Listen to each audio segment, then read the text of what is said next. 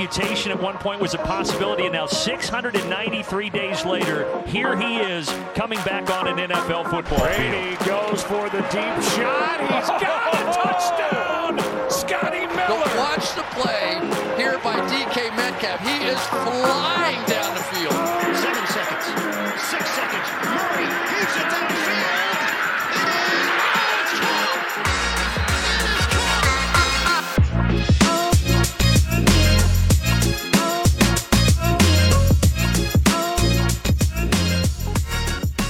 Welkom allemaal bij een nieuwe aflevering van de Sport Amerika NFL podcast.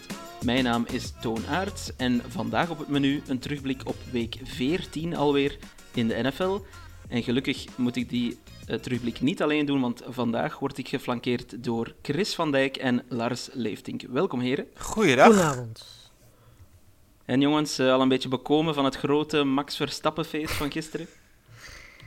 Ja, ik, ik heb persoonlijk nog nooit zoiets bizars gezien in anderhalf uur tijd. Eh, volgens mij nog nooit ook zoveel verschillende soorten emoties. Ik heb heel veel sport gezien, maar in anderhalf uur ging het echt van, eh, van hoop naar geen hoop, naar weer wel een beetje hoop, naar weer geen hoop. Eh, en de laatste ja, anderhalve ronde natuurlijk complete chaos. Ehm, eigenlijk ook zoals dit seizoen moest eindigen. Dus wat dat betreft, Ja. als het seizoen überhaupt al geëindigd is, want we weten allemaal wat er daarachter nog aan de hand is natuurlijk. Maar ja, dit is, ik denk dat we nog nooit zo'n Formule 1 seizoen gezien hebben. En dat het dan op deze manier eindigt, dat is wel, eh, wel passend, denk ik.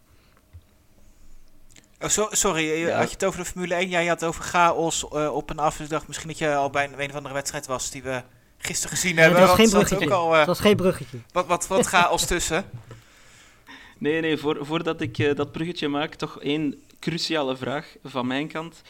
Mag ik ook een stukje van de wereldtitel claimen, aangezien Max een halve Belg is, of eh, is dat niet toegestaan? Ja, ze willen hem huldigen in Hasselt, geloof ik. Hè? Dus eh dat gaat nog feest worden. Volgens mij eh, kan hij wel in drie, vier verschillende plekken gehuldigd worden. Dat wordt een beetje lastig, denk ik.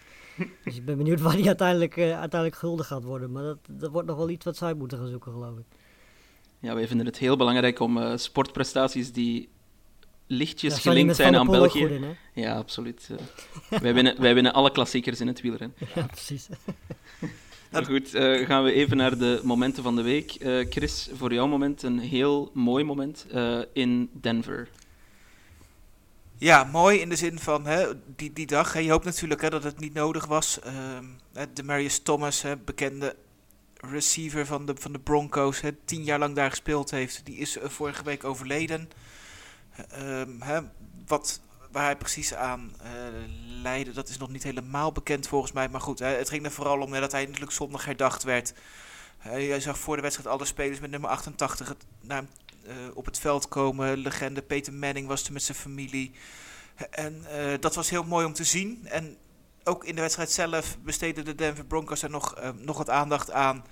Ehm, ze kwamen bij, voor een eerste play het veld op met 10 man. Hè, waarvan dus hè, ene plek over open lieten die voor Demarius Thomas was. En eh, Waarschijnlijk hadden ze dan alsnog van de Lions gewonnen. ongetwijfeld, als ze de hele wedstrijd hadden gedaan, dat, eh, die kans is vrij groot. Ja, want de Lions hebben een hoogtepunt van het jaar gehad en eh, die zijn wel klaar. Ja. Ja, maar goed, hè, ze namen een delay, of- een delay of game penalty ehm, om daarna toch weer met z'n elf te kunnen spelen. En dat eh, was op zich een mooi moment. De, de Lions eh, namen uiteraard de, de, de pen, accepteerden de penalty niet. Dus eh, een mooie, denk een mooie manier om hem te herdenken. eh, aan ja, een speler die toch wel een belangrijke rol bij de Broncos heeft gespeeld. En op die manier aan de wedstrijd te beginnen. Bij, bij mij blijft hij ook altijd als degene die die bal van Tim Tebow vangde. Ik denk dat, Ja. dat, dat ik niet de enige ben die, die ja, als eerste daaraan denkt als, als je de naam van de Maris Thomas eh, noemt. Ehm, ja, volgens mij een fantastische receiver. Ik heb hem nou ja, net nog een klein beetje kunnen zien, maar toen was hij volgens mij echt al wel over zijn top heen. Eh, maar ja, wat ik zeg maar terug heb gekeken allemaal, was het, was het echt wel een, fantastische receiver waar denk ik zeker de fans van de Broncos eh, heel lang van hebben, hebben genoten. Ja, zeker. Een Super Bowl kampioen ook. eh, maar Ja, op het einde van zijn carrière zag je wel dat al die, al die hits die hij toch ondergaan heeft, dat dat dan toch te veel geworden is. En ja, de speculatie helaas is ook dat het, dat het heel sterk daarmee te, te maken heeft. Ook, en nu zijn, zijn veel te vroege overlijden. Ja hij zal ook Ehm, niet de eerste zijn. Hè? Nee, nee, Helaas. precies. Dus ja, de NFL blijft wel echt een groot probleem hebben op dat vlak. We kunnen alleen maar hopen dat dat eh, de komende jaren toch eh, ja, minder en minder wordt. Ehm, Ja, Lars, uh, jij hebt twee momenten opgeschreven, zie ik. Vertel eens. Ja, ik, ja, ik vond het lastig op zich. Ik, kan over die, ik kan eigenlijk over allebei wel redelijk kort zijn. Die, ik zat vanmiddag, maandagmiddag, die wedstrijd van de, de Packers tegen de Bears te kijken. En in het einde van, van het vierde kwart, volgens mij op third down of zo, zag ik iets wat ik nog nooit heb gezien. Justin Fields, die ja, door drie man getackeld werd. Eigenlijk gewoon vastgehouden werd. En vervolgens op het allerlaatste seconde besloot die bal maar gewoon via een flip pass weg te gooien. Die bal die werd ook nog gevangen ook. Ja, heb ik nog nooit gezien. Heb je, vrij knap. Heb je die play nooit gezien? Heb je die, die play nooit gezien of een vangbal van de, van de Bears nog nooit gezien? nou, in principe allebei komt niet zo heel vaak voor, dat klopt. Maar in dit geval ging het me in principe om die, om die flippaas van, uh, van Fields. Um, ja, en daarnaast, ja, Urban Meyer. Um, wat moet, ik, weet, ik weet niet zo goed wat de Jaguars ermee moeten. volgens mij weet hij zelf ook niet zo goed meer wat hij ermee moet. Uh, hij laat, geeft mij niet echt de indruk dat hij heel veel zin er meer in heeft. Um, en ja, het dieptepunt was voor mij toch wel het einde toen hij de handshake met, uh, met moest, moest doen aan het eind van de wedstrijd. Um, ja, dat, de, ja, een nieuw dieptepunt wat mij betreft voor, voor Urban Meyer, die toch al redelijk veel dieptepunten gehad heeft dit seizoen. Ja, ik vind het een, een klein beetje een zielig figuur, eerlijk gezegd. Um, allee, in de NFL, alleszins. Um, voor college ken ik hem te weinig. Daar zal hij wel zijn merite gehad hebben of, of hebben. Maar... Um... Het ding in college is dat dit soort dingen tamelijk normaal zijn. Oh, weet ja. je, hij zit nu in de NFL en in de NFL gaan dingen gewoon anders. Heeft hij met volwassen mensen te maken en dan werkt het gewoon niet op deze manier. En uh, ja, hij is niet de eerste college coach die daar op deze manier achter komt. Um, en ja, weet je, zeker als je zo lang en zo succesvol bent geweest, dan krijg je dit soort dingen dat je, dat je denkt dat je boven alles en iedereen staat en dat je al je assistenten en coachingstaffen moet uitmaken voor losers. Um, ja, ik heb geen idee hoe, hoe hij denkt dat dat uh, motiverend werkt. Maar goed, uh, ik heb vooral heel veel, uh, veel te doen met Trevor Lawrence, die daar dus ja, elke dag serieus mee aan de slag moet. Want volgens mij is dat, is dat bijna niet te doen. Maar goed, ja. ik ben vooral bang dat Lawrence nu een beetje een Sam Darnold gaat worden. Want ja, Sam Darnold zat natuurlijk ook in zo'n situatie. Laat ons hopen dat, dat Lawrence snel van een nieuwe coach kan profiteren, maar dat, dat moeten ja, we dan maar even afwachten. Het probleem is natuurlijk ook dat, dat de eigenaar van de Jaguars bijna net zo gestoord is. Dus de, ja, weet je, wat dat betreft is het heel moeilijk om, om in te schatten of die na, de kans is die redelijk groot dat hij na dit jaar er nog steeds wel zit, denk ik. Ja, arme, arme Lawrence. Uh, wie, wie wel een goede coach heeft dit seizoen is Justin Herbert. En Justin, dat is mijn moment, die lanceerde een paas. ja, een ongelofelijke paas. 65 yards naar Jalen Guyton. En die, ja, dat was de, de, die touchdown pass die viel. ja, ik zeg het al, het was een touchdown pass. Dus die bal die viel perfect in de armen van Guyton achter twee verdedigers. En die kon in de eindzone duiken om, om de touchdown te scoren. Wat ook nog opviel aan die paas was dat Herbert onder grote druk stond. Uh, hij werd ook nog eens gehit op die bal. Dus um, het is werkelijk ongelooflijk dat je ja, als quarterback eh, zo'n kanon van een arm hebt en dat je die ja, kan lanceren terwijl je zo zwaar onder druk staat. Nou, vooral zijn techniek is heel mooi. Ja. Dat, uh, de, er valt daar eigenlijk weinig tot niks op aan te merken. En heeft hij ook niks aan, aan gedaan ten opzichte van college. Want daar was ik wel benieuwd naar. Daar heb ik volgens mij vorig jaar eens naar gekeken. Uh, omdat hij natuurlijk zo fantastisch begon, eh, was ik op zoek naar redenen waarom hij in één keer zo aan het gooien was. Maar hij heeft niks aan zijn techniek gedaan of zo. Hij is nog steeds hetzelfde zoals hij bij Oregon was. Um, ja, het is, het is, wat dat betreft gewoon een, een, fantastische quarterback om naar te kijken. Hij heeft een beetje zijn, uh, zijn mindere momenten gehad dit jaar. Maar de laatste, de laatste weken staat hij weer te ballen zoals je dat van, van Herbert vorig jaar gezien hebt. Ja, precies. En het wordt uh, van mijn kant een beetje ja, repetitief, want ik kies één om de twee keer een highlight van Justin Herbert, denk ik. Dat is mijn excuus. Heb je de fanclub al opgestart, of niet? Nee, maar het, het, papierwerk is, is komend. um, maar ja, ik vind het een, een, een, geweldige speler om te zien. En, en ja, we gaan het er straks nog heel even over hebben, over de wedstrijd. Maar, en er nog jaren van genieten. En er nog jaren, hopelijk er nog jaren van genieten. Maar ja, Herbert die is, die is zeer goed bezig. Lars, wie ook zeer goed bezig is, op quarterback dan, dat is Aaron Rodgers. Je weet dat we altijd heel blij zijn als je erbij bent. Dus we laten jou de spits afbijten. Sunday Night Football, Green Bay Packers tegen de Chicago Bears. Hoe is dat gegaan? Uh, ja, een beetje een helft met, uh, met twee gezichten, denk ik. Eerste helft deden de, de Bears eigenlijk prima mee. Uh, dat was mede ook uh, weer vanwege de, de special teams van de Packers, die ja, het maakt niet uit wie het is. Of er nou een punt gevangen wordt, een kick gevangen wordt of dat hij verdedigd moet worden. Het gaat meestal fout. En eh, de Bears hadden in deze wedstrijd, ik denk wel drie of vier eh, touchdowns via punt of kick returns kunnen hebben. Ehm, Herbert had er twee kunnen hebben. Nou ja, die, die Grant is, is onwijs snel. Ik heb, ik heb lang geleden dat ik zo'n snelle, zo'n snelle returner Ja. heb gezien. Ehm, maar ja, dat is eigenlijk alleen dat al was de voornaamste reden dat de Bears zeker in de eerste helft zo goed mee konden. Ehm, en de tweede was dat de Packers eigenlijk met hun, hun pressure telkens net te laat waren op Fields in de eerste helft. En eh, in de tweede helft veranderde dat. Eh, het had eh, Smith bijvoorbeeld twee sacks. En dat veranderde eigenlijk de wedstrijd op het moment dat Fields minder de tijd kreeg. eh, raakte die meer in paniek. En waren de Bears avant gezien eigenlijk niet zo, zo heel gevaarlijk meer. En ja, vervolgens werd Rodgers in de tweede helft ook wakker. Fantastische bal naar Adams in het vierde kwart of derde kwart geloof ik.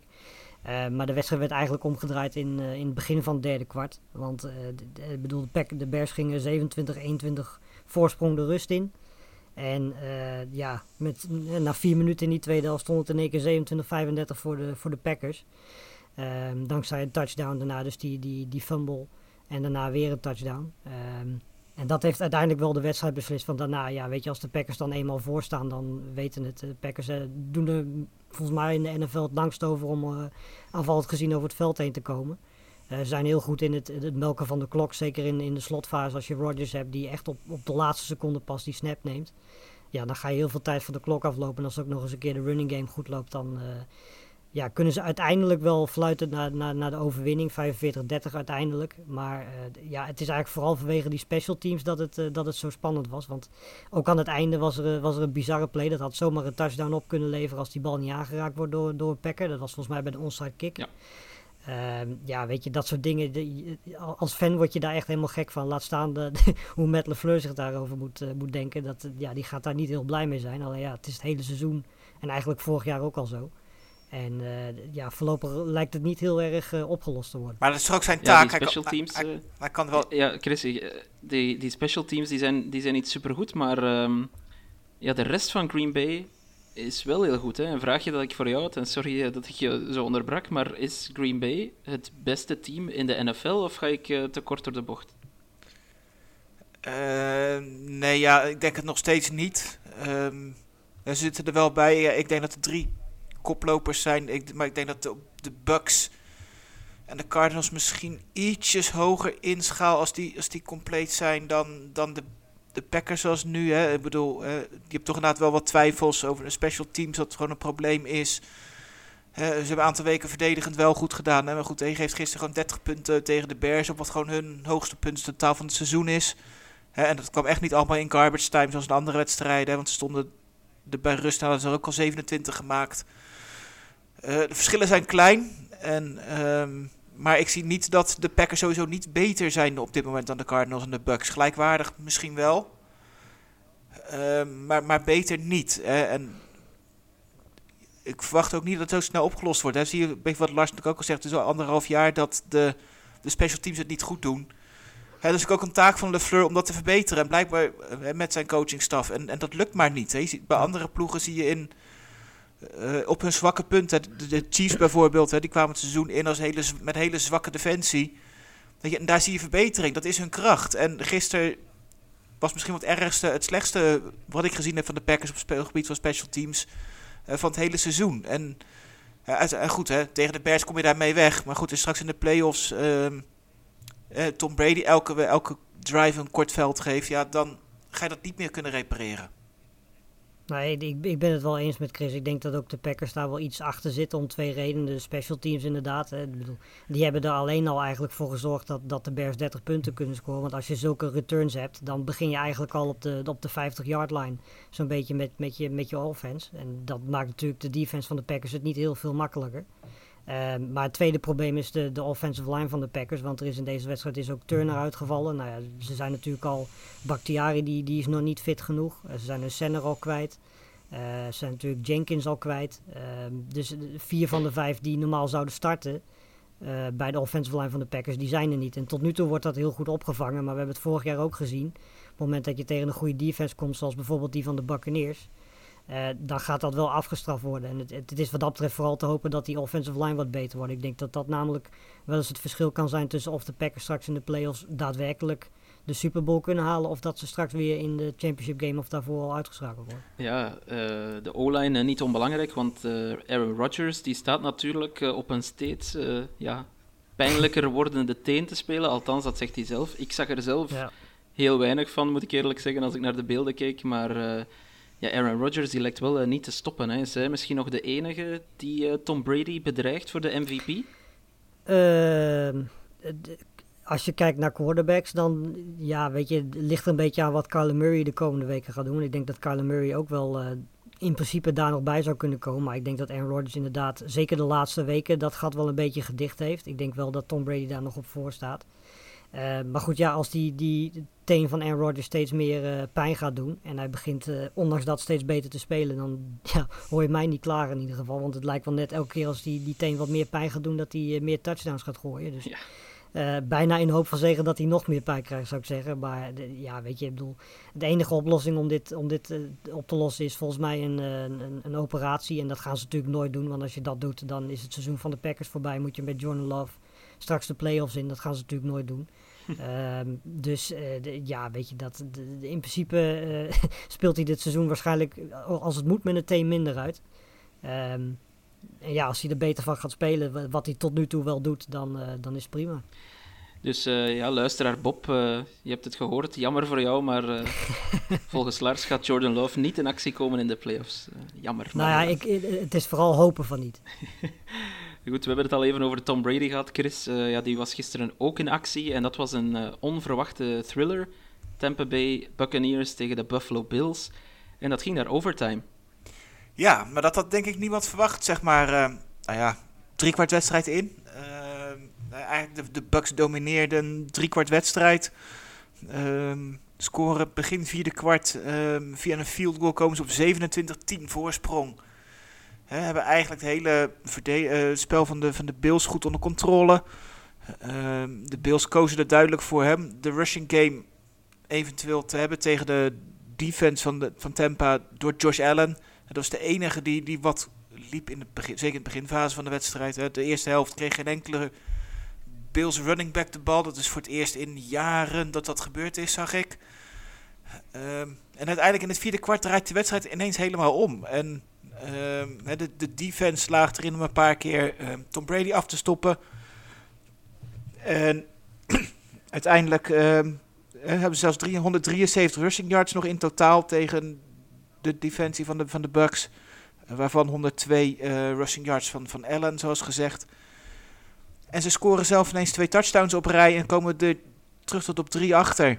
En krijgen zelfs dan nog één keer de bal en één kans om gelijk te maken. Te winnen zelfs nog, hè, want eh, Josh Allen, die de tweede helft echt fantastisch speelde, bracht de ploeg eigenlijk heel snel in, ehm, in de red zone, op, volgens mij op de 7-yard lijn.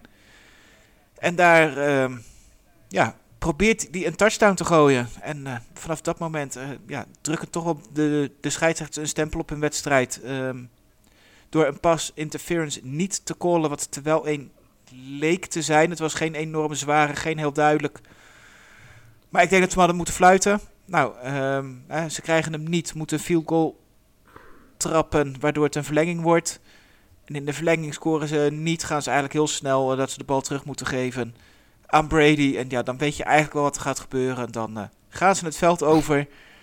Ehm, ook wel een heel klein beetje hulp hè, van, van diezelfde scheidsrechters. Hè, want daar waar de Bills de call niet kregen, kregen zij hem wel.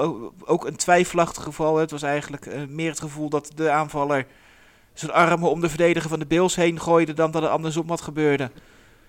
Dus ja, dat was, dat was wel jammer dat dat zo'n invloed had op die wedstrijd. Hè? Want ik denk dat ik zeg gewoon eigenlijk beide gevallen hetzelfde moet callen. Of allebei wel, of allebei niet. Eh, en dat daar verder weinig verschil tussen zat. En nou ja, goed, uiteindelijk is het wel heel mooi symbolisch dat eh, de 700ste touchdown die, die Brady in zijn wedstrijd gooit, dat ook gelijk een gamewinner is. En eh, dat ze zo de overwinning pakken. Ja, ik vond vooral die, eh, weet je, op zich die, die pass interference, dat is wat mij betreft 50-50. Ik bedoel, er, er valt voor beide kanten wel wat te zeggen, denk ik. Eh, maar vooral die, die overtime, ja, volgens mij kun je vanuit die beelden gewoon niet zien dat dat een first down is. Dat kan aan mij liggen, maar uit de beelden die ik gezien heb in ieder geval eh, was het voor mij niet duidelijk of dat het een first down was. Volgens mij was hij gewoon echt ja, inches kwam die tekort. En ja, dan moet je gewoon punten op dat, op dat moment. Dus dat, ja, dat was wel een beslissing. Want volgens mij twee, drie plays daarna eh, gooit eh, Brady die eh, 53 yard, of was het 58 yard touchdown pass. Dus eh, ik vond die, die, die call in overtime, die, die first down call, vond ik twijfelachtiger dan die, eh, dan die fourth down, dat ik, of die eh, pass interference aan het einde. Want ik, ja, volgens mij was het gewoon redelijk duidelijk dat hij dat tekort kwam voor die, voor die first down. Maar goed, eh, de scheidsrechters vonden van niet. En eh, ja, paar, paar plays daarna gooit, eh, gooit Tom Brady gewoon een eh, game-winning touchdown. Ja. Ja, ik denk wel inderdaad dat eh, wat je de scheidsrechters eh, absoluut kan verwijten is dat ze binnen hetzelfde game niet consistent zijn. En dat, of niet consequent zijn. En dat moet je natuurlijk wel gewoon zijn. Als je één situatie niet calt en een hele gelijkaardige situatie wel, dan is er natuurlijk gewoon een probleem. Dan, dan, dan neigt dat naar, eh, ja, naar, een, naar een onfair voordeel voor een van beide teams. Maar goed, dat, dat blijft natuurlijk het, het probleem van scheidsrechten zijn überhaupt. Want het is natuurlijk niet alleen in de NFL, weet je. Je hebt Nee, het in, nee. de, NBA, je hebt het in de Formule 1, je hebt het in het voetbal, weet je. Het, het zijn er blijven uiteindelijk wel mensen. En als je Ja, ja, regels hebt die je zelf in kunt vullen dan, en je werkt met vier, vijf man in dit geval, dan, ja, dan krijg je verschillende meningen, moet je uiteindelijk wel een beslissing maken. Ja, daar gaat dan, zeker als het zulke 50-50 calls zijn, zoals die aan het einde van de, van de wedstrijd, ja, dan ga je dit soort calls krijgen waar niet iedereen het mee eens is. Nee, ja, geen enkele situatie is natuurlijk hetzelfde. Dus het is lastig vergelijken de ene situatie met de andere. Alleen, nou ja, goed, laat ik het zo zeggen. Als ik een van de twee had moeten callen, had ik het andersom gedaan. Want Ik, ik heb het gevoel dat daar bij die, die overtreding van de, van de Bucks... dat het echt wel ja, de verdediger niet bij de bal kon en uit positie was. Eh, en meer het gevoel dat bij die andere die bal net wat te kort was... en dat daar gewoon ontzettend slim gebruik van gemaakt wordt. Eh, en je weet natuurlijk hè, dat, dat dat altijd callen en dat, dat die overtreding vaak gezien wordt. Maar goed, aan de andere kant weet je, scheidsrechter dat je ook wel niet altijd in mee hoeft te gaan. Dus dat, eh, dat is wel jammer. En vooral voor de Bills is het natuurlijk wel bitter dat ze dit verliezen. Want eh, ja, die staan ineens nog maar op het randje van de playoffs. Ja, inderdaad. Ehm, moeten de Bills beginnen vrezen, Chris? Nou, zover wil ik nog niet gaan. Ik eh, denk nog steeds wel dat ze het gaan redden. Eh, ehm, ze staan nu op 7 en 6. Eh, ik denk dat Met het schema dat ze hebben gaan ze Ik denk dat ze met 10 overwinningen dat je, dat je erbij moet zitten. Nou goed, ze krijgen de Panthers, Falcons en Jets nog thuis. Dat zijn nou, even op z- zachtst gezegd, niet de crème de la crème van de NFL. Eh, ze, ze moeten nog naar de, naar de Patriots toe. Nou, die wedstrijd hebben we maandag gezien. Het komt beide kanten op. Eh, Die verschillen zijn ook niet heel groot. Hè. Ik, zie, ze, ze kunnen, daar, ik zie niet, zeg niet dat ik ze zie winnen daar, maar ze kunnen daar zeker winnen. En ze zijn gewoon eigenlijk van die ploegen die in die wildcard strijd zitten, zijn ze denk ik nog steeds de beste. En ik denk dat ze ju- juist gisteren hebben laten zien dat ze nog steeds wel een van de topteams zijn. Ondanks dat ze Ja, die wedstrijd verliezen. helft, En ja, en, Die tweede helft was echt, was echt heel goed. En, en het, het gekke is dat hè, de Bills vorig jaar volgens mij ehm, vijf wedstrijden hebben gespeeld waarbij het eh, één score verschil was, één- binnen één touchdown Ja. bleef. En daar wonnen ze de vier van de vijf van. En dit jaar hebben ze alle vijf de spannende wedstrijden verloren. Ja, dat kwartje kan niet de verkeerde kant op blijven vallen. Dat moet gewoon een keer goed gaan vallen. Eh, nou goed, naar het schema kijk, hebben ze nog maar één wedstrijd die close wordt. De, bij de Patriots, die andere drie gaan ze wel gewoon ruim winnen. Maar ja, ja, Ja, de Patriots moeten nog tegen de, tegen de Colts volgens mij. hè? Ja. Zeg ik Ja, volgende zaterdag. weekend. ja, Nou ja, goed, dan kun je, dan komt- kan je de situatie komen dat straks die Patriots-Bills-wedstrijd met één, één wedstrijd verschil, dat die misschien dan gespeeld wordt. Dat je dan dus op gelijke, gelijke Ja. stand komt. En de, en de, de Patriots moeten naar de Dolphins, die natuurlijk hè, in het uiterste geval misschien zelfs nog wel de, Ja. de Pets ook nog kunnen vers- vers- verstoten op de laatste dag. Ja, de Patriots hebben gewoon een, iets moe- hebben gewoon een best wel lastig programma nog met, eh, met die laatste drie, met nog drie lastige uitwedstrijden. Of nee, de Bills is natuurlijk thuis. Eh, twee lastige uitwedstrijden en de Ja. Bills thuis. Al ik wel vind dat de Patriots wel goed spelen, dus ik verwacht wel dat ze het ook gewoon gaan redden. Maar ik zie meer dat een van de andere ploegen die nu in die wildcard strijd zit, dat hij het niet gaat redden. En dat de Bills en Patriots, en misschien zelfs wel de, de Dolphins ook nog, dat ze gewoon alle drie erin gaan komen. Ja, dat zou, eh, dat zou best opmerkelijk zijn. Als we dan naar het schema van de Bucks kijken, ja, dat, eh, dat kan haast niet makkelijker, vind ik. Hè. Dat is tegen de Saints, nog twee keer tegen de Panthers en dan tegen de Jets ook. Ja, die, die liggen toch wel in pole positie, heb ik de indruk, om de first seed in de NFC binnen te halen nu. Of eh, vergis ik mij, Lars? Ja, nee, zeker. Dus, ik bedoel, ze hebben nu, wat, wat is het, drie, vier wedstrijden voorsprong op, op drie teams die, nou ja, zeer wisselvallig zijn. Waarvan het eigenlijk een wonder is dat ze 6 om 7 zijn. Want de Falcons Saints zijn natuurlijk, zeker de Falcons zijn geen 6 om 17. Ehm ja, dit, weet je, normaal gesproken als je talent kijkt wat de Buccaneers in huis hebben. En je kijkt die vier wedstrijden die, die, die je net opnoemt. En, de voorsprong die ze al hebben, dan sluit ik, weet je, die divisie is wel binnen. En ik denk dat de Buccaneers zich eh, wat dat betreft meer kunnen gaan focussen op die, op die eerste seed. Want ik denk dat ze wat dat betreft met, eh, met inderdaad de Cardinals, met de Packers, gaan strijden om eh, wie die twee buys gaat pakken. En ik denk dat dat wel lekker kan zijn om, om te hebben natuurlijk. Ja, er is ook bij één Het bye. is maar één hè. En- Het is maar één bye. En is maar één En buy. ik ja. denk dat de. Nou, ik vind, de, het, het- op zich, ik vind het schema van de Cardinals ook wel. Als ze vanavond, vannacht winnen van de Rams, waar ik eigenlijk wel van uitga, want de, Rams vind ik ook niet zo super goed spelen op het moment. Het is niet makkelijk, maar hè, ze moeten ook gewoon naar de. Ze krijgen nog de Lions en de Seahawks nog in de, in, nog in laatste vier wedstrijden. Ze krijgen de Colts thuis, die wel draaien, maar niet van goede ploegen winnen. En dan is alleen de Cowboys uit nog. Eh, en volgens mij mogen ze zelfs de wedstrijd van de Colts nog verliezen eh, om boven de Bucks te blijven, omdat ze dan een beter conference record hebben. Dus ja, voor mij zijn de Cardinals nog steeds wel de favoriet voor de nummer 1. En ehm, ja, die andere twee moeten toch wel hopen op een foutje van die andere. Wel de Packers weer het voordeel hebben dat ze luk van de Cardinals hebben gewonnen. Dus Ja. het blijft spannend. Ja, absoluut. Eh, spannend was het ook in Cincinnati gisteren. Eh, ook een beetje tegen de verwachtingen in, nog overtime, Lars. Eh, de Bengals en de 49ers. Ja, die hebben er ook een heel mooi eh, kijkstukje van gemaakt. Ja, zeker. Het was in principe de eerste helft. op zich lang gelijk op. Het was aan het einde van de eerste helft dat de 49ers op 17-6 kwamen. Ehm, daarna, zeker het derde kwart, gebeurde niet heel veel. Controleerde eigenlijk de 49ers de wedstrijd. Gebeurde, had eigenlijk niemand echt het idee dat, dat de Bengals nog... eh, nou, in ieder geval 49ers speelde beter op dat moment. En toen in één keer het vierde kwart ging, eh, ging het duo eh, Joe Burrow-Jamar Chase ging aan. Ehm, ja, dat, die twee blijven. weet je, we hebben het natuurlijk de laatste tijd een beetje gehad over dat Chase wat weggevallen was. Nou, afgelopen weekend is hij weer wakker geworden. Twee hele belangrijke touchdowns. Joe Burrow was ook fantastisch aan het gooien. Zeker die laatste drive aan het einde. Ehm, ja, was gewoon echt heel erg goed. Waardoor het uiteindelijk 2020 wordt. Ehm, ook omdat die defense van de Bengals hebben we het ook al heel vaak over gehad. Dit jaar die is echt veel beter dan dat hij vorig jaar was. Ehm, ja, en dan vervolgens in overtime. eh, ja, scoren de Bengals. eh, trouwens, de 49ers hadden daarvoor nog een kans om eh, met een field goal de wedstrijd te winnen. Ja. Die ging mis. Ehm, Leven de kikkers. ja, leven de kickers inderdaad. Nou ja, goed, in overtime scoorde dan de andere kicker van de Bengals wel een field goal.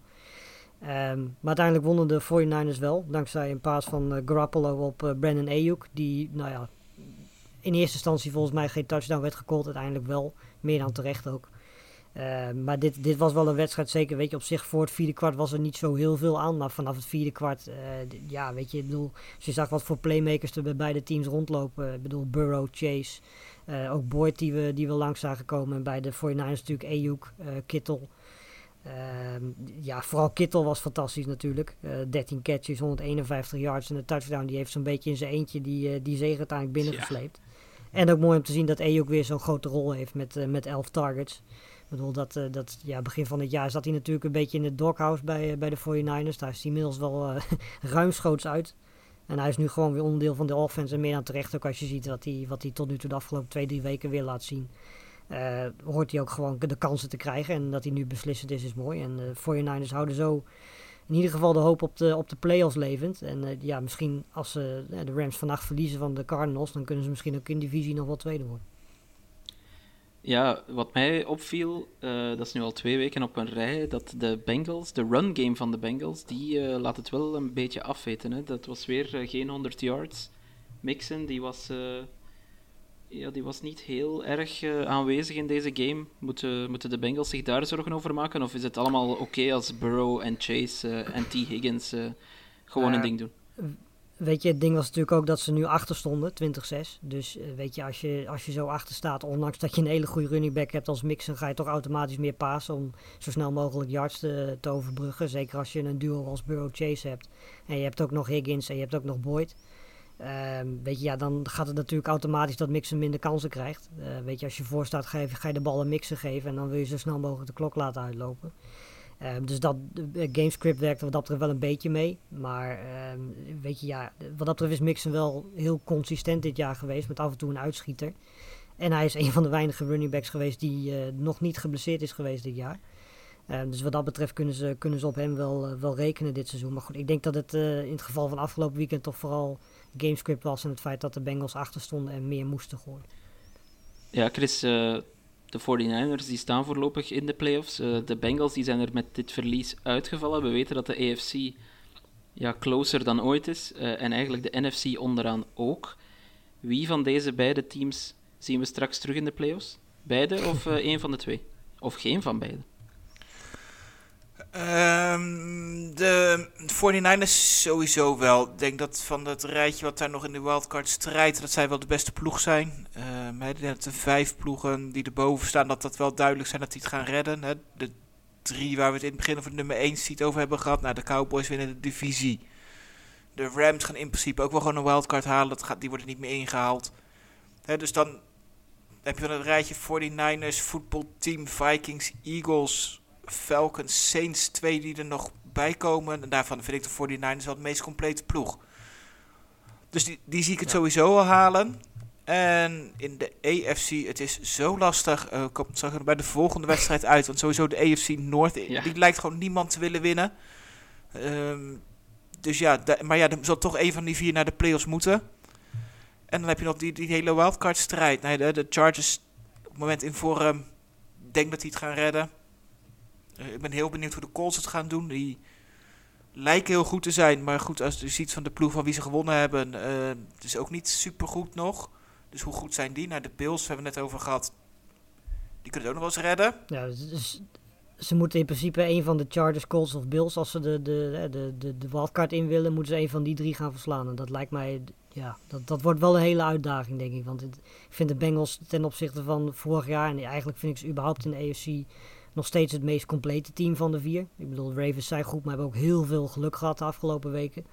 Um, ik denk nog steeds dat de Bengals deze divisie ook gaan winnen, dat denk ik. Maar uh, als ze die wildcard in moeten, dan weet ik niet of ze boven de Bills, Colts en Chargers uitgekomen. Nee, dat, dat, ja. dat denk ik ook niet. Ja, Colts, ook wat hij uh, in het begin uh, gezegd toen ze terugkwamen, dat hij eigenlijk wel zag halen. Nou goed, hè, Patriots, Cardinals nu de volgende wedstrijden. Daar zullen ze wel één van die twee moeten winnen, denk ik. Um, ja. En ja, ik denk dat de divisie eigenlijk gewoon de beste kans op dit moment is. Uh, hoe, hoe, gek dat misschien ook klinkt. Maar goed, hè, de Ravens die verliezen Lamar Jackson. Ik weet niet hoe lang die eruit is. Jij, jij zat de Bengals. Ik zie eigenlijk de Browns hem nog wel winnen. Wie had dat gedacht? Uh, wie had dat gedacht? Want pakken we even door. Dan zullen het de Steelers wel worden. Denk ik. Ja, nee, liefst niet. Uh, maar pakken, pakken we even door naar die divisie, uh, Chris. De AFC North. Ja, zo onvoorspelbaar als kan zijn, want uh, de Cleveland Browns, ja, die winnen gewoon van de Ravens, al liep ook dat niet uh, van een leien dakje, ondanks, ondanks de blessure van Lamar Jackson. Ja, ik moet zeggen, jij zegt gewoon, maar er was wel echt helemaal niets gewoons aan die wedstrijd. Nee. Uh, de Browns beginnen eigenlijk heel goed, komen voor. Uh, ja, uiteindelijk staan ze zelfs 24-6 voor bij rust. Uh, op dat moment is Lamar Jackson geblesseerd geraakt met een enkel blessure, waarvan volgens mij nog niet bekend is hoe ernstig het is. Het is gelukkig geen knieblessure waarvan je eigenlijk weet van dat gaat weken duren. Misschien als jij door je enkel gaat, heb je misschien de hoop dat hij misschien over 1, 2 weken weer terug zou kunnen zijn. Uh, maar eigenlijk denk je natuurlijk gewoon bij 24-6 uh, met, uh, zonder Lamar Jackson dit is gespeeld. Misschien dat de Browns er ondertussen ook wel dachten en in de Russell een feestje hadden gevierd. Het, zou me niks verbazen, want de tweede helft leek het helemaal nergens meer op wat de Browns lieten zien. Hebben ook geen punt meer gescoord. En zagen de, de Ravens terugkomen. Nou, die komen vlak voor tijd. Uh, maken ze 24-22. Dan denk je van, nou ja, ze geven de score een beetje leuk, leuk aanzicht. Maar goed. Je moet nog die onside kick trappen. En nou goed, de Browns zouden de Browns niet zijn als ze erin zouden slagen om ook die weg te geven. Dus ja, ineens kregen de Ravens ook nog eens de bal. En met eh, Justin Tucker natuurlijk weet je dat je al bijna gewoon in, ehm, in field goal range bent. Eh, maar goed, de, de Browns defense de, dwong nog een sack af. En ehm, ja, ik vind het een, rare play call op, op vier, fourth down. Hè, dat je de bal vier meter te kort gooit. En dat je dan hoopt dat dan de receiver dat, dat stuk gaat overbruggen. Terwijl de verdediging echt bovenop stond. Dus je had er echt totaal geen kans om het te halen. En uiteindelijk eh, ontsnapten de Browns toch nog.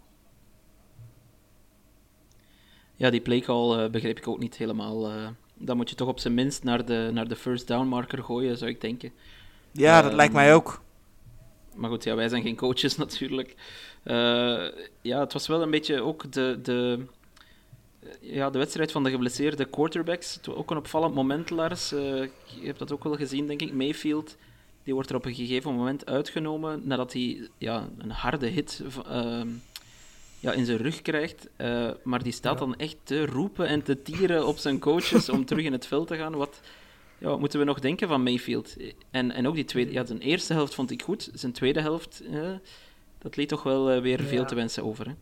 Nou ja, ik begin steeds met het idee te krijgen dat Mayfield een beetje los en vast aan elkaar zit. Zoals Stafford dat eigenlijk één of twee weken geleden ook zei. Dat hij, dat hij eigenlijk overal wel een beetje last van heeft. Volgens mij is dat bij Mayfield zo langzamerhand ook wel een beetje de situatie. Uh, we hebben het volgens mij de afgelopen week ook al wel over gehad.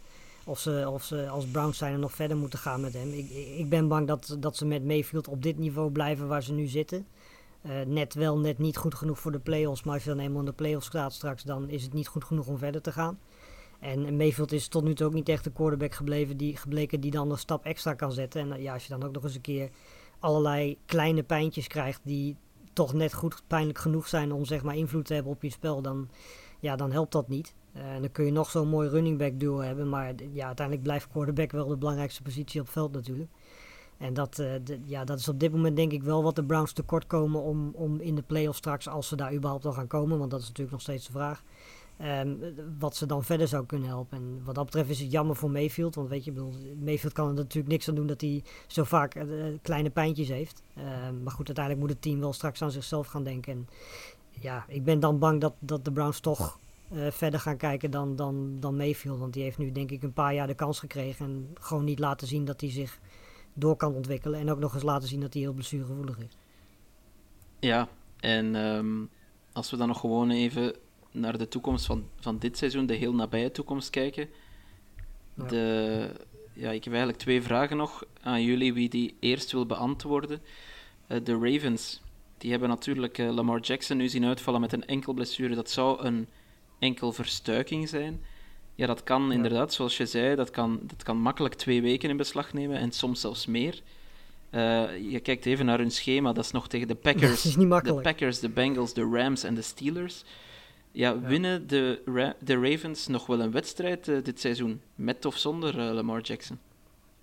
Uh, met Lamar Jackson wel, denk ik. Als ze zonder gaan, dan betwijfel ik het. Want ik bedoel, Tyler Huntley is heel erg eng. Lijkt echt heel erg veel op Lamar Jackson qua speelstijl. Dat is echt eng. Ja. Het is net alsof je Lamar Jackson zelf ziet spelen. Maar ja, het is toch wel natuurlijk een niveautje minder. En het, het maakt wel een heel groot verschil of Lamar Jackson op het veld staat of niet. En als je dan ook nog eens tegen zulke tegenstanders moet, dan uh, ja, misschien dat ze er wel eentje uitpakken, bijvoorbeeld tegen de Steelers of zo, weet je, in een defensive, uh, defensive battle, dat ze die dan winnen. Maar ja, weet je, je kunt niet zonder Lamar Jackson, uh, denk ik, een, echt een kans maken, zeker tegen de Packers en de Rams niet. En misschien ook wel niet tegen de Bengals. Nee, dat denk ik ook. Chris, wat denk je? Dat denk ik inderdaad ook. Ik denk dat de Steelers een beste kans zijn, zeker als die is de laatste dag He, die zullen dan ondertussen misschien wel klaar zijn. En misschien dat de Ravens nog een hoop hebben dat ze met negen overwinningen wel inkomen. Even ervan uitgaan dat ze die drie ervoor gaan verliezen. Uh, maar gezien alle blessures en als je dan ook nog eens uh, Lamar Jackson moet missen, dan wordt het ja, tegen die drie die ploegen daarvoor wordt het wel echt wel heel lastig. Wat dat betreft zijn er ploegen met een makkelijke einde van ja, het schema. En dat is dus ook wel waarom ik uh, wat dat betreft de Bengals aanstip als, als, divisiewinnaar. Omdat ik denk, weet je, ze zijn veel fitter op dit moment dan, dan de Browns en de Ravens. En de, hun schema is zeker makkelijker dan dat van de Ravens op dit moment. Um, en daarnaast denk ik dat de Bengals, weet je, die hebben de beste offense in deze divisie. Met afstand. Um, maar verdedigend gezien doen ze ook gewoon prima mee op het niveau van de Browns en de Ravens. Dus Eh, voor mij zijn de Bengals op dit moment het meest fitte en ook het meest complete team van deze vier. En als je dan het schema er ook nog bij pakt, zou ik, nou ja, mijn geld zetten op de Bengals is heel gevaarlijk dit Ja. seizoen. Want je weet echt niet wat er gaat gebeuren. Maar ik, ik zou op dit moment wel de Bengals als winnaar in die divisie aanstippen. Ja, Jij ook, Chris? Laatste speeldag is ehm, Bengals at Browns. En daar gaat denk ik de beslissing vallen. Ja. En dan eh, Ja. denk ik dat het thuisvoordeel en de ervaring van de Browns de doorslag gaat geven. Of de Steelers eh, sneaken alsnog als divisiewinnaar de playoffs eh, binnen. Nee, daar hoop jij te veel op. Nee, nee, nee, nee, nee. nee, nee. Jij- Nee, het, Bi- het Big Ben verhaal moet echt afgelopen zijn. Goed, ehm, waar, ik, eh, waar ik wel eigenlijk terug blij van word, is eh, de evolutie van de Kansas City Chiefs, Lars. Eh, die, ja, die, die kregen de Raiders op bezoek. De Raiders die vonden het nodig om hun team huddle op het logo van Kansas City te doen. Ja. En dat, is, ja, dat heeft niet bepaald geluk gebracht.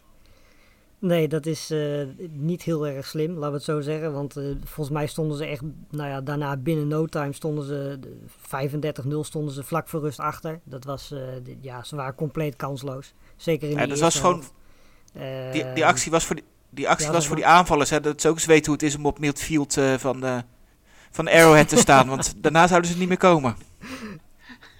Eh, maar maar de, de, de evolutie die, die, waar, je, waar je het over hebt bij de Chiefs is natuurlijk vooral de defense. Want eh, hoe die, we hebben natuurlijk aan het begin van het seizoen erover gehad hoe relatief kansloos die was en hoeveel yards die weggaf. Ehm, maar eigenlijk sinds, sinds week 6 hebben zij, eh, ik bedoel, Chiefs hebben sinds week 6 één keer verloren. Ehm, en eigenlijk kunnen we stellen dat ze twee keer met hun offense in die wedstrijden gewonnen hebben. Twee keer tegen de Raiders, dat is geen toeval. Ehm, maar al die andere wedstrijden hebben ze toch voornamelijk gewonnen vanwege hun defense. En dat is best wel bizar als je ziet hoe de eerste vier, vijf weken zijn verlopen. Daarbij moet wel gezegd worden, en volgens mij hebben we dat toen ook gezegd, dat ze toen tegen hele goede aanvallende teams speelden. Als we even de Eagles erbij wegstrepen, Hey. misschien, nou, ze scoorden wel toen 30 punten. ja, ik, ik, ik- op het moment dat ik het zei, wist ik dat het misschien niet zo heel handig was. Maar in ieder geval de Browns, weet je, de Ravens, de Chargers, de, de Bills, die waren toen natuurlijk nog fit en aanvallend gezien heel erg goed. Ehm, daarna hebben ze natuurlijk wel wat makkelijker schema gehad. Maar wat de Chiefs defense op dit moment aan het doen is en ook in deze wedstrijd weer liet zien. Ehm, ja, dat is echt een enorm verschil vergeleken met, eh, met de eerste vier, vijf weken die we gezien hebben. En nu is het de vraag of, ja, dat hebben we ook al twee, drie keer gezegd dit jaar. Of die Chiefs offense eindelijk nu wakker is. Ehm, ja, ik, durf het niet meer te zeggen. Want de vorige twee keer heb ik gezegd dat ze nu wakker zijn. En dat dit een wake-up call was. Ehm, maar ja, Mahomes leek in ieder geval weer een beetje op de Mahomes zoals we hem kennen. En dat is, dat is in ieder geval wel weer fijn om te zien. Want op die manier is het natuurlijk wel het leukste om naar te kijken. Ja, terwijl eigenlijk Tyreek Hill en Travis Kelsey gisteren ook nog niet eens heel erg aanwezig waren in de wedstrijd. Nee, vooral Kelsey. Nee, heel in het begin wat, maar later eigenlijk ook... Als je naar de stats kijkt, was ook niet heel bijzonder. Dus ja, om nou te zeggen... was ook niet Nee, nodig dat, dat scheelt wel. Maar het, is, maar het is Toen niet dat al, we... Weet je, ze scoren 48 punten. Maar aanvallend was het eigenlijk... En dit klinkt misschien wel heel erg... Maar niet eens supergoed. Hè, er zit nog veel meer in dan, dan ze kunnen. Maar mogen we ze wel, al, eh, mogen we ze wel opschrijven als favoriet voor de first seed in de AFC? Of eh, is dat te snel in deze Nou, gekke conference? In de AFC zou ik helemaal niemand op dit moment willen Nee, opschrijven. als, Chiefs, Chiefs zijn wel favoriet. Dat, die durf ik wel aan. Ja, ik, nee, ik niet. Ik bedoel, ik, eh, dit, ik heb steeds het idee dat de Chiefs wel op gang komen. En dit is weer zo'n wedstrijd waarvan je denkt van ja, nu komen ze op gang. Nu gaat die offense weer lekker lopen. Maar eh, ja, ik wil het toch straks tegen, tegen de Chargers dan nog wel een keer zien. Volgens mij spelen ze daar komend weekend tegen. Donderdag al. Dat is een hele belangrijke. Donderdag al, nou, als ze die winnen, dan kunnen ze die divisie eigenlijk al bijna niet meer weggeven. Ehm, maar dan, ja, vooral de manier waarop wordt voor mij wel belangrijk. Weet je, als ze nu die lijn aanvallend door kunnen trekken, dan hebben de Chiefs, ja, denk ik van alle teams in de AFC wel het meeste talent in huis om die eerste seed te pakken. Ik denk ook dat ze eh, favoriet zijn. Ik denk trouwens ook dat de Raiders, dat, dat we daar wel stil aan een streep door mogen trekken. Ehm, of moet ik ook met twee woorden spreken over de Raiders, eh, Chris? Nee hoor, dit, volgens mij heb ik dit vorige week al gezegd dat de Raiders de playoffs niet halen. Dus dat, eh, daar kan echt wel een streep doorheen. Dat is eigenlijk... nou, sinds hun bye week is het wel echt aflopende zaak daar. eh. En ik denk dat het ook Ja, misschien ook niet eens raar is hè, met alles wat daar buiten het veld gebeurd is. Ja, precies. precies. Ik denk het ook. Ehm, goed, we hebben nog een aantal games om door eh, te lopen, door te worstelen misschien voor sommige van die games, eh, als we heel eerlijk zijn. Maar wat er wel nog een heel leuke in het early window, de Cowboys, die namen het op tegen het Washington voetbalteam, brachten zelfs hun eigen banken mee naar, eh, naar, naar de hoofdstad. Je verwacht het niet van Ja, de Cowboys. ongelooflijk. eh, je, je, je, je- ja, ze geven je toch steeds nieuwe redenen om ze te haten, eigenlijk. Maar goed. Ehm, het was een tip- ze verkwanselen ook... Ja, zeg Het was maar, een tip Chris. van een andere ploeg. Wie, wa- wie, waren, wie speelde nou vorige keer in Washington die dat zei? Dat vond ik nog het mooiste van het verhaal. Ah, dat, dat weet ik niet. Dat heb ik niet meegekregen. Eh, moment, ik even snel tegen wie eh, Washington laatste Ja, we- ik- weken gespeeld had. Zo tegen de Ja, Raiders. dat kan wel, ja. Dat die, dat die inderdaad... Maar die hadden in ieder geval gezegd van dat het echt zo slecht was... dat de verwarmde banken het niet deden... en dat ze iedereen de hele wedstrijd koud hadden gehad... en dat ze het beste gewoon eh, eigen spullen mee konden nemen. Want eh, die Dan Snyder die was te gierig om eh, de spullen voor de bezoekers te regelen. Ik, denk- ik denk dat dat. eh, ik denk dat, dat, dat de Seattle inderdaad was, ja. Die speelde daar twee weken terug. Ja. nou ja. Ja. Ehm, Dus daar komt dat vandaan. Anyway, de, ja, oké. Het heeft gewerkt. Ja, het heeft gewerkt. Ze, ze hebben gewonnen, al was het eh, toch niet zo makkelijk. Hè. Ze, ze namen eerst een grote voorsprong, maar eh, die gaven ze toch ook weer vlotjes uit handen. En, en vooral Dak Prescott eh, vond ik opvallend matig. Ehm, en ook Martijn Bottenberg, die had daar een luistervraag over. En Lars, ik ga die naar jou richten. Ja, Dak Prescott, hoe komt het dat hij zo wisselvallig is dit jaar? Is dat door zijn blessure of moeten we het elders zoeken? Ehm, ja, je zou bijna zeggen dat het door zijn blessure komt. Aan de andere kant, we hebben dit jaar volgens mij ook al genoeg wedstrijden gezien waarin hij, zeker aan het begin van het seizoen, waarin hij heel goed was. Ehm, dus ja, ik weet niet of er misschien iets gebeurd is wat wij niet weten. Dat het misschien iets erger geworden is. Of dat hij ergens last van heeft wat ze ons niet willen vertellen. Dat weet ik niet. Maar eh, het was inderdaad niet de Prescott die, die we aan het begin van het seizoen en zo af en ook wel de afgelopen weken nog gezien hebben. Ehm, maar weet je, ja, ik bedoel, Cowboys stonden 24-0 voor. D- er was in principe, zelfs dan was er nog niks aan de hand. Want zelfs aan het einde van het derde kwart stonden ze nog 27-8 voor. Dat het uiteindelijk dan aan het einde nog zo spannend wordt en Prescott het bijna zelf nog weggeeft met die interception naar Holcomb is, eh, is opvallend. Maar ehm, ja, weet je, ik bedoel, ik denk dat de Cowboys die, die divisie waar ze nu in zitten, dat ze die wel, wel binnen hebben. Eh, ik kan me tenminste niet voorstellen. Ik denk dat dit de laatste kans was voor, voor Washington om echt wat dichterbij te komen. Eh, die hebben ze niet gepakt, dus die divisie gaan ze wel winnen. Ehm, alleen ja, de- weet je, de kansen van de Cowboys gaan ontstaan natuurlijk wel met de fitheid en de, de prestaties van Prescott. En eh, dat was ook de reden waarom ze aan het begin van het seizoen zo goed waren, omdat Prescott zo goed Ja. was. Ehm, en de- ja, weet je, de andere die natuurlijk ook een, een shout-out verdient aan de andere kant van het veld is, eh is Micah Ja, Parsons. absoluut. Eh, die, die heeft zijn rol volgens mij wel gevonden. Staat nu op 12, 12,5 seks of zoiets. Eh, defensive Player of the Year kan hem eigenlijk niet meer ontgaan. Eh, de vraag is nu meer of hij meedoet om Defensive Player of the Year. Nou ja, Ja, je bedoelt, je bedoelt dat de Rookie of the Year hem niet meer eh, kan ontgaan. ja, Rookie of the Year, ja, dat bedoelde ik. Ja. Maar eh, ja, weet je, als je Defensive Player of the Year wil worden, dan moet hij natuurlijk wel eh, tegen Watt en tegen, eh, de, de- ja, in principe ook natuurlijk Garrett het op gaan nemen. Eh, ik denk dat dat een grote uitdaging wordt. Aan de andere kant, hij heeft bijna evenveel seks als hun. En hij heeft meer tackles, doet meer in coverage. Heeft volgens mij ook meer forced, eh, forced fumbles en, en, en tackles for loss. Dus eh, ik denk dat hij wel serieus verdient om, om daarin meegenomen te worden. En dat geeft ook wel een, beetje aan, denk ik, wat voor seizoen hij heeft. En dat hij daadwerkelijk ook wel echt zijn rol gevonden heeft.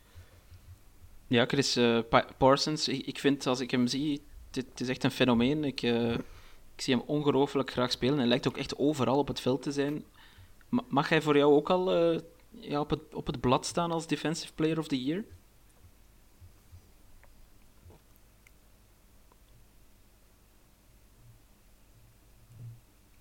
Chris? Toen was het stil. We zijn even Chris kwijt, helaas. Dat is minuut 48. Dat ga ik even op- opschrijven voor Tom. Ja. Minuutje 48. Alright. Moeten we nu pauzeren of niet? Nee, ik zou hem gewoon door laten lopen. Alright. Je hebt de minuten nu toch genoteerd. Ja. Ehm, dan gaan we even doornemen. Dus eh, je hebt over Micah Parsons gesproken. Ja. Poep, poep, poep.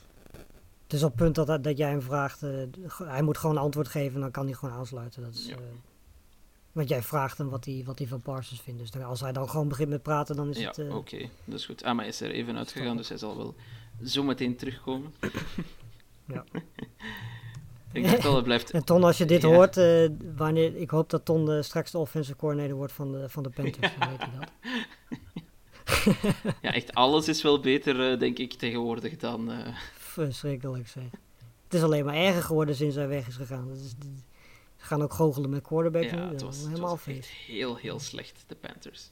Ik kan me één, één team herinneren in American voetbal die dat gedaan heeft, die dat nog steeds doet. Dat is in college, Arkansas State. Nou, dat ja, loopt ook niet heel erg lekker. Dus ik, ik heb geen idee waaruit ze deze gedachte hebben gehaald om maar te zeggen van, nou ja, weet je wat, we doen er gewoon twee. Maakt niet.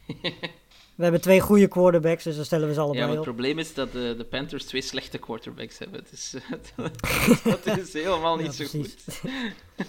Eh, en als ze Sam Darnold hadden gehad, hadden ze waarschijnlijk alle drie opgestaan. Ja. Dat is het helemaal feest Ja, inderdaad. hey Chris, eh, ik weet niet of je ons hoort ondertussen. Ja, ik hoor Zijn jullie. camera staat, Ja, of zijn zijn camera. Zijn, De eh, microfoon staat nog uit, zie ik. Hoor je, Dus dat moet hij nog even oplossen. hoor je mij nu ik denk wel? dat het in orde is nu. Jawel, voilà. ja, Hallo zeker. Chris. Yo. Alright, ik, dus ehm, ik vroeg op een gegeven moment of je vindt dat eh, Michael Parsons ook in de running is voor Defensive Player of the Year. Dus ik ga die vraag eventjes hernemen. Ik ga ook de minuut opschrijven. Dus dat is hier 50 en een half. En dan, eh, dan, dan gooi je er maar even in. Dus eh, wat denk jij, Chris? Eh, doet Micah Parsons mee voor eh, Defensive Player of the Year? Ja, absoluut. Eh, ik denk dat eh, er een paar kandidaten zijn, hè, die natuurlijk Lars net ook al noemde. Eh, maar hij is zeker een van de, de drie of vier die waar tussen zal gaan. En dat eh, verrassend denk ik voor een rookie. Maar eh, het is wel echt wel heel bijzonder wat, wat hij laat zien. Ik denk dit jaar gewoon echt... Mag trouwens, eh mag trouwens Trevon Dix van datzelfde team ook nog wel bij trouwens. Als we het toch over eh kansen hebben ze hebben. Dan kunnen ze er misschien ook wel twee afleveren. Ja, die, die kans is er. Maar ik denk dat, eh, eh, ik denk dat Parsons misschien wel de beste rookie van het seizoen is. Zowel aanvallend als verdedigend. in ieder geval het meeste gebracht heeft eh, voor zijn ploeg. Ja, zoals Lars zei, ik denk Defensive Rookie of the Year, dat is geen, dat is geen contest meer. Ehm, Nee. Ja, dat is een schitterende speler. Ehm, minder schitterende spelers vinden we terug bij de volgende twee teams eh, die we heel kort gaan bespreken, de Falcons en de Panthers. Ja, de Falcons die winnen van de Panthers. Ehm, ja, de Panthers die, die stelden afwisselend twee quarterbacks op. Cam Newt- dan weer Cam Newton, dan weer PJ Walker. Eh, geen van die trucjes werkte. Eh, Chris, de Falcons die zijn op een of andere manier eh 6 om 7, als ik me niet vergis. En die doen dus nog steeds mee voor de playoffs. Hoe kan dat? Hoe kan dat? Nou ja, eh, in ieder geval goed spelen buiten Atlanta. Want alle zesde overwinningen zijn een uitwedstrijden. Dat vind ik ook wel echt bijzonder als je dat dan inderdaad dan hoort. Ehm, ja, en voor de rest eh, winnen van slechte teams. Ik bedoel, ehm, als ze dan toch op je schema staan, dan moet je ze verslaan. En ehm, eigenlijk al die 50-50 wedstrijden qua niveau. Want ik denk echt dat op zich de Falcons echt wel gewoon in het, qua niveau in het rijtje passen van de Giants, de Jets, de Dolphins, de Jaguars, de nee, de die er nu verslagen, maar het zijn wel ploegen die ze, waar ze allemaal van gewonnen hebben. En eh, ja, dat is wel de. Het grappige is, ze krijgen ook nog de Lions en de Saints nog dit seizoen. Dus ze kunnen er nog twee winnen. Ja, nou, de, de Saints vind ik wel wat beter dan, dan dat. Maar eh, ja, het, het, het zegt wel een hoop. Ja. Je, je, hebt zo natuurlijk het, eh, het staatje dat. dat heet de Strength of Victory. Dat kan je zien wat het win, eh, winningpercentage is van je tegenstanders. Nou ja, dat is. Van de Atlanta Falcons is dat precies 33%. En dat eh, er zijn volgens mij maar twee clubs die dat lager hebben. Dat zijn de Bears met 30. En dat was de Colts met, 1, met 32. Dus Oh. eh, ja, dat, dat zijn de, de ploegen die dus eh, eigenlijk alleen de echt slechte ploegen hebben verslagen en van alle goede hebben verloren. En de Saints daarentegen bijvoorbeeld, hebben het hoogste, dat is 55 procent. Nou goed, die hebben ook in het begin van het seizoen, toen ze nog compleet waren, zowel van de Bucks gewonnen als van de Packers als van de Patriots. Dus ja, dat tikt dan maar lekker aan. Dus ja, op die manier zijn de, zijn de Falcons erin gebleven. Maar goed, die gaan het niet redden. Dat, eh, is toch voor iedereen wel duidelijk. Er zijn volgens mij 18 ploegen in de NFC die op 6 en 7 staan. En eh, ja. dat eh, zijn zij wel degene die daarvan echt wel de slechtste zijn. Met afstand. Ja, ja, je haalde al even de Saints aan, die wonnen van de Jets, uh, Lars. Um, daar moeten we verder denk ik niet heel veel van onthouden, maar uh, Elvin Kamara die was terug. 120 yards voor ja. 27 carries. Enfin, 27 carries voor 120 yards, moet ik zeggen. Um, ja. Maakt hij de Saints terug aankijkbaar? Uh, ja, dat denk ik wel. Ik denk dat Camaro op dit moment zo'n beetje de enige reden is waarom je naar de Saints zou kijken, denk ik. En dat was, uh, ja, aangezien de afgelopen weken natuurlijk niet was, liep het bij de Saints ook niet zo heel lekker. En dat, natuurlijk zijn dit natuurlijk de Jets, weet je. Ik bedoel, dus aanvallend gezien een niet veel mindere ploeg dan de Jets, denk ik, in, in de NFL. Dus het duurde wat mij betreft al heel erg lang voordat ze überhaupt deze wedstrijd wonnen. Want volgens mij was het 13-6 in het derde kwart. En pas in het vierde kwart besloot, uh, besloot Taysom Hill ook heel veel te gaan rennen. Die speelde ook vooral met zijn benen weer een goede wedstrijd. Uh, heeft ook een paar van mijn fantasy leagues uh, gewonnen. Maar goed, dat geheel terzijde. Uh, ja, nee, weet je, bedoel, het, het is, uh, voorlopig doen zij ook nog mee. Zij zijn inderdaad wel iets beter dan, dan, dan de Falcons. Zeker verdedigend gezien zijn wel beter. En als uh, Bill Camaro gewoon fit is, dan, dan zijn ze aanvallend gezien ook wel niet minimaal gelijkwaardig aan dat. Misschien ook wel gewoon beter dan de Falcons aan, aan de aanvallende kant van de bal. Um, alleen ja, ze spelen tegen de Buccaneers uh, komend weekend, geloof ik. ja, als je die verliest, wordt het lastiger. Maar ze hebben wel drie wedstrijden daarna die ze kunnen winnen met, uh, met de Dolphins, met de Panthers en de Falcons. Dus ik heb het idee dat de Saints uh, echt wel tot het laatste moment mee gaan blijven doen. Ja, en van de Bucks kunnen ze ook winnen, hè, want uh, dat is hun al gelukt dit seizoen. Als ik mij niet vergis. Ja. Met ja. Trevor Simeon. Ja, klopt. Dat is ook wel ongelooflijk. Alles kan in de NFL. Any given Sunday. dat is echt ongelooflijk. ja, Chris, de, de Seahawks die die hebben de Texans uh, vermorzeld. Dat is nu ook op zich niet zo'n uh, geweldige prestatie natuurlijk. Theoretisch eh, of mathematisch maken ze nog kans op de playoffs. Maar dat blijft toch bij een theorie, denk ik dan. Ja, dat denk ik ook wel. Dat, daar missen gewoon te veel kwaliteit om in die race om daar nog echt in te komen. Spelen nog twee divisieduels. Uh, ja, je zegt vermorzelen. Nou goed, uiteindelijk werd het inderdaad 33-13. Maar het duurde ook wel echt tot het vierde kwart dat ze afstand konden nemen. Want het was na drie kwart was het 19-13. Het is dus ook niet zo dat ze uh, à la de Chiefs er overheen gewalst zijn vanaf het begin af aan. Dus nee, ja, het is uh, leuk om zo nog wat wedstrijdjes te winnen en dat in ieder geval spannend blijft. En ik weet dat de, de fans van de Seahawks er ongetwijfeld nu alweer in geloven dat ze misschien nog wel de playoffs kunnen halen. Nou goed, ik moet het nog zien. Hè, volgende week naar de Rams, dat wordt al lastig.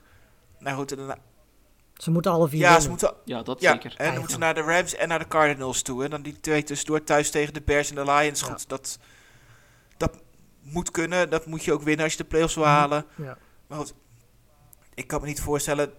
Nou, dan ben je de Rams, dat die, dat die niet... Uh, dat, die, dat die zullen waarschijnlijk wel moeten. Ik kan me niet voorstellen dat de Cardinals dan al zeker zijn. Het laatste speeldag van de bye. Dus die zullen nog wel moeten... En zo, ja goed, en 9 en 8. Ik denk dat, je, dat wel een ploeg met 9 en 8 in de NFC het gaat halen. Dus theoretisch kan het, in de praktijk zie ik het niet ja. gebeuren. Ja, het zou wel een ongelofelijke comeback zijn natuurlijk. Hè. Trouwens uh, heb ik menen te horen dat uh, Russell Wilson uh, nu toch zou verklaard hebben dat hij eigenlijk zijn carrière wil afsluiten in Seattle. Hij ver vergeleek het een beetje met Kobe Bryant bij de Lakers. Um, ja, Lars, juichen we dat toe of... Of gaan we toch weer een offseason van uh, Wilson-drama tegemoet? Nou ja, volgens mij waren er al, voordat hij dat zei, weer wat geruchten dat, hij, dat, dat er misschien toch wel weer wat trades uh, mogelijkheden zouden komen. Het probleem is alleen de teams waar hij graag heen wil. Ik bedoel, de Bears, ja, weet je, zet daar Wilson neer. Je bent misschien 500, maar veel meer dan dat zal er dan niet in zitten.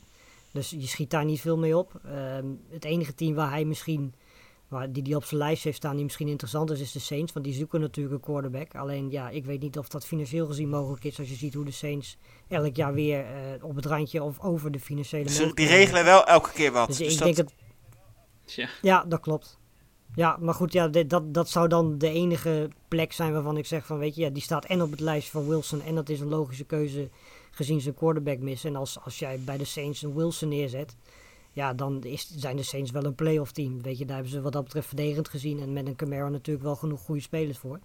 Ehm, maar ja, daarnaast zijn er gewoon niet heel veel plekken, denk ik, waarvan Wilson zegt van daar ga ik heen. En dat, dat schiet ik mee op te- ten opzichte van de situatie bij de Seahawks. Want bij de Seahawks heeft hij natuurlijk wel eh, heel veel wapens, zeker met een Metcalf en een Lockett. Dus eh, ja, weet je, wat mij betreft eindigt hij daar zijn carrière. Ik vind het prima. En eh, ik, ik hoop vooral dat hij, dat hij een beetje duidelijk is daarin. Dat, hij, dat we niet nu nog twee, drie jaar lang krijgen van... oh, gaat hij nou wel weg? Wil hij getrade worden? Wil hij niet getrade worden?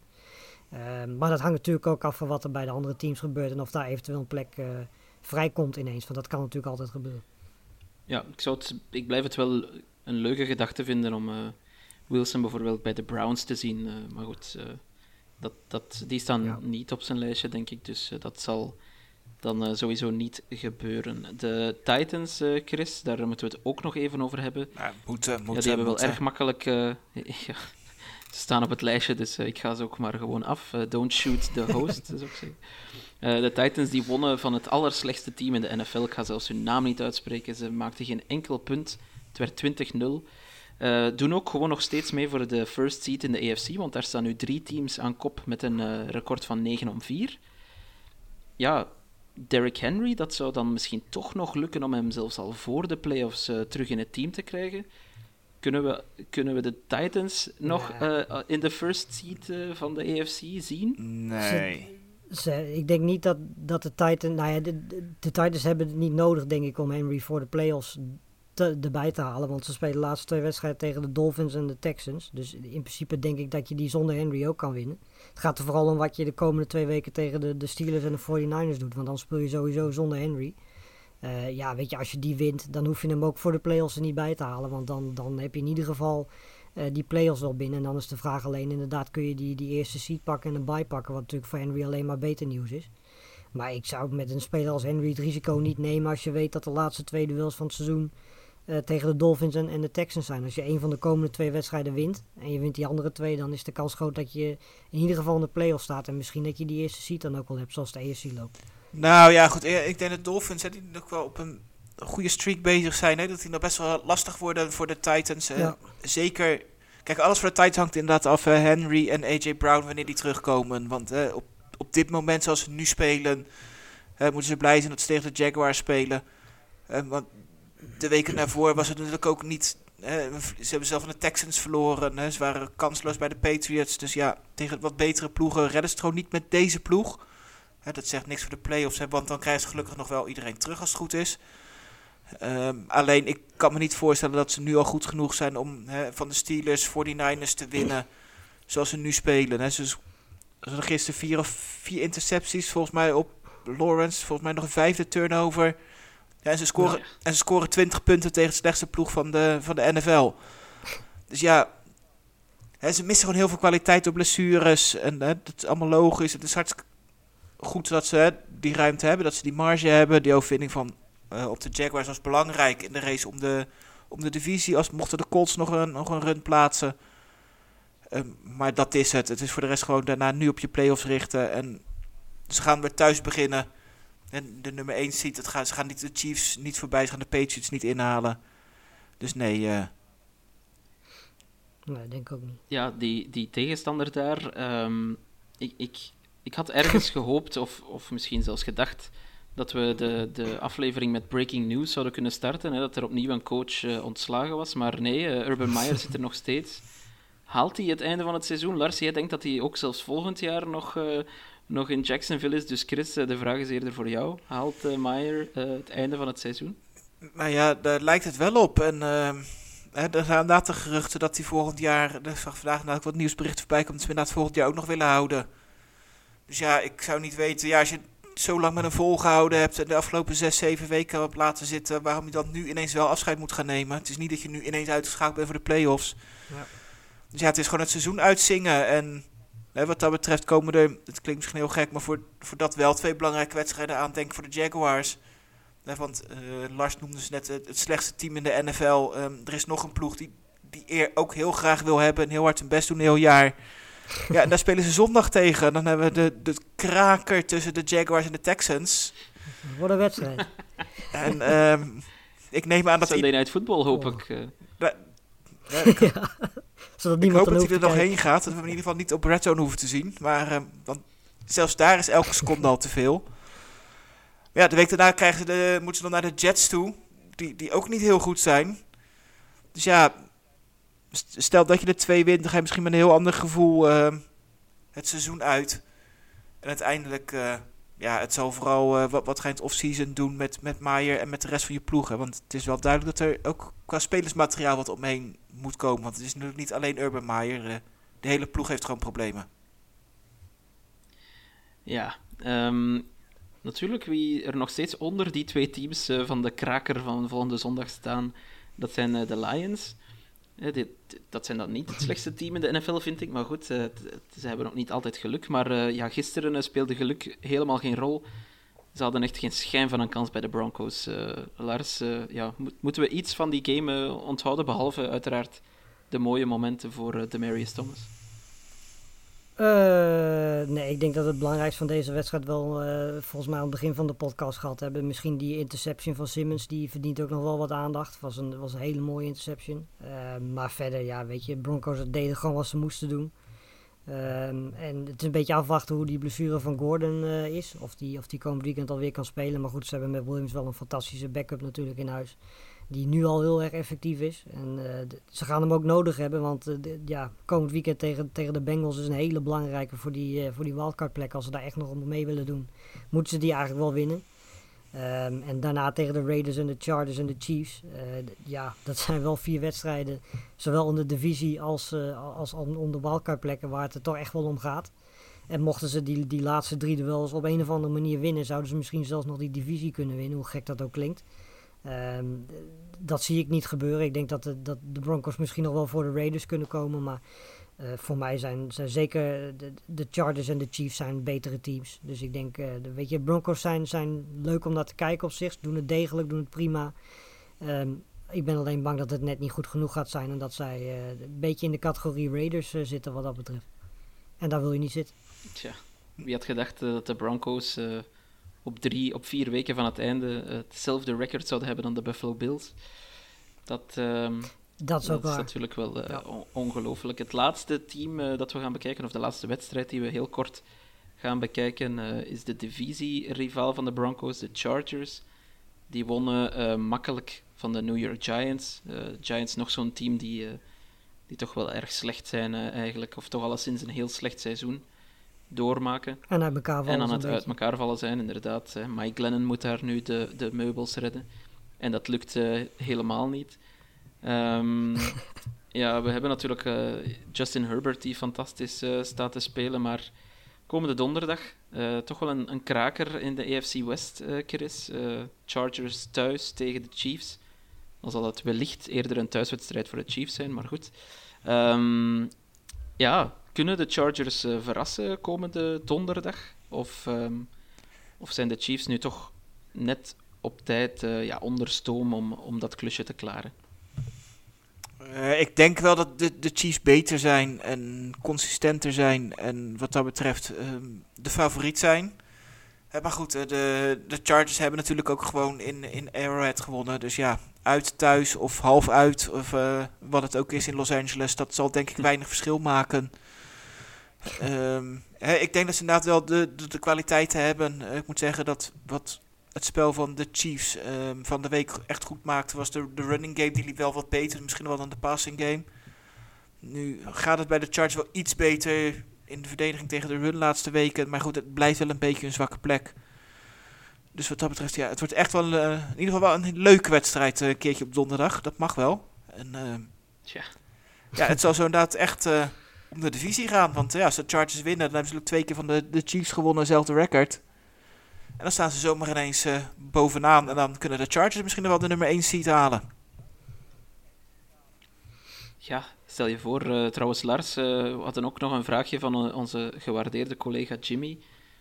Ehm, het was niet eens tongue-in-cheek trouwens, tenzij ik het heel slecht geïnterpreteerd heb. Maar eh, over hoeveel jaar kan of zal eh, Herbert de MVP winnen, denk je?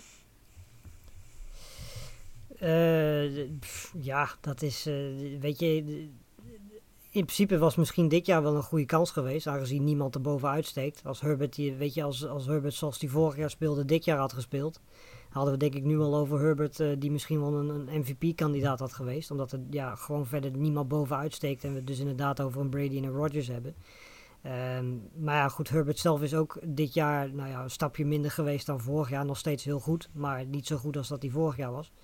Ehm, en ja, wat dat betreft was dat misschien dit jaar wel het ideale moment geweest. Maar eh, ja, het ding is natuurlijk ook dat hij heel veel concurrentie heeft. Ik bedoel, eh, bedoel Rodgers die, die lijkt voorlopig nog niet weg te zakken. Tom Brady wordt volgens mij alleen maar beter hoe ouder die wordt. Dus eh, ja, hij zal wel een paar hele goede quarterbacks, hè, Mahomes, eh, de- Josh Allen, moeten gaan verslaan.